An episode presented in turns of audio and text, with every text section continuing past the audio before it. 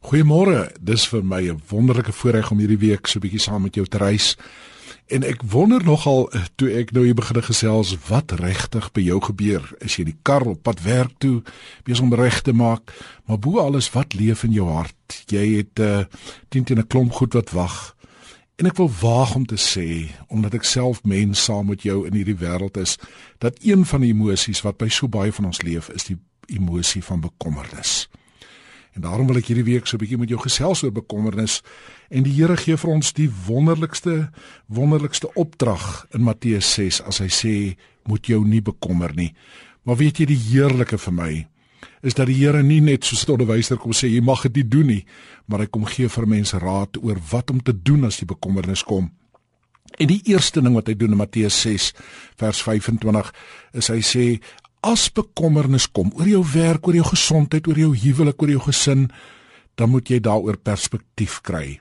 Staan 'n bietjie terug en, en sê vir jouself dat jou lewe belangriker is as kos en jou liggaam as klere. Kry perspektief. Hoe kry mens perspektief oor 'n saak wat jou bekommer? Deur 'n bietjie te gaan stil sit en vir jouself te vra: Is die probleem werklik so groot of is ek dalk besig om 'n berg van 'n molsoop te maak?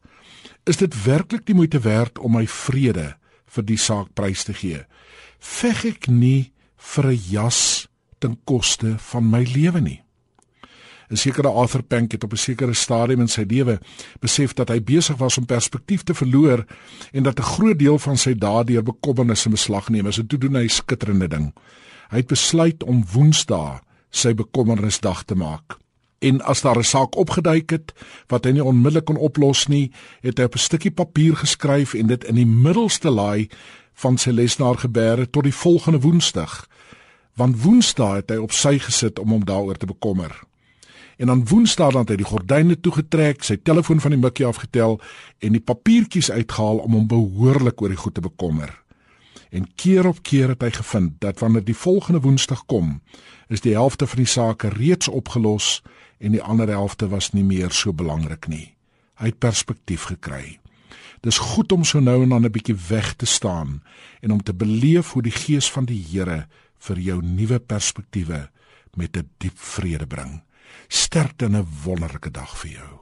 Here, ons wil vir U dankie sê dat ons hierdie dag met nuwe perspektiewe kan lewe. Amen.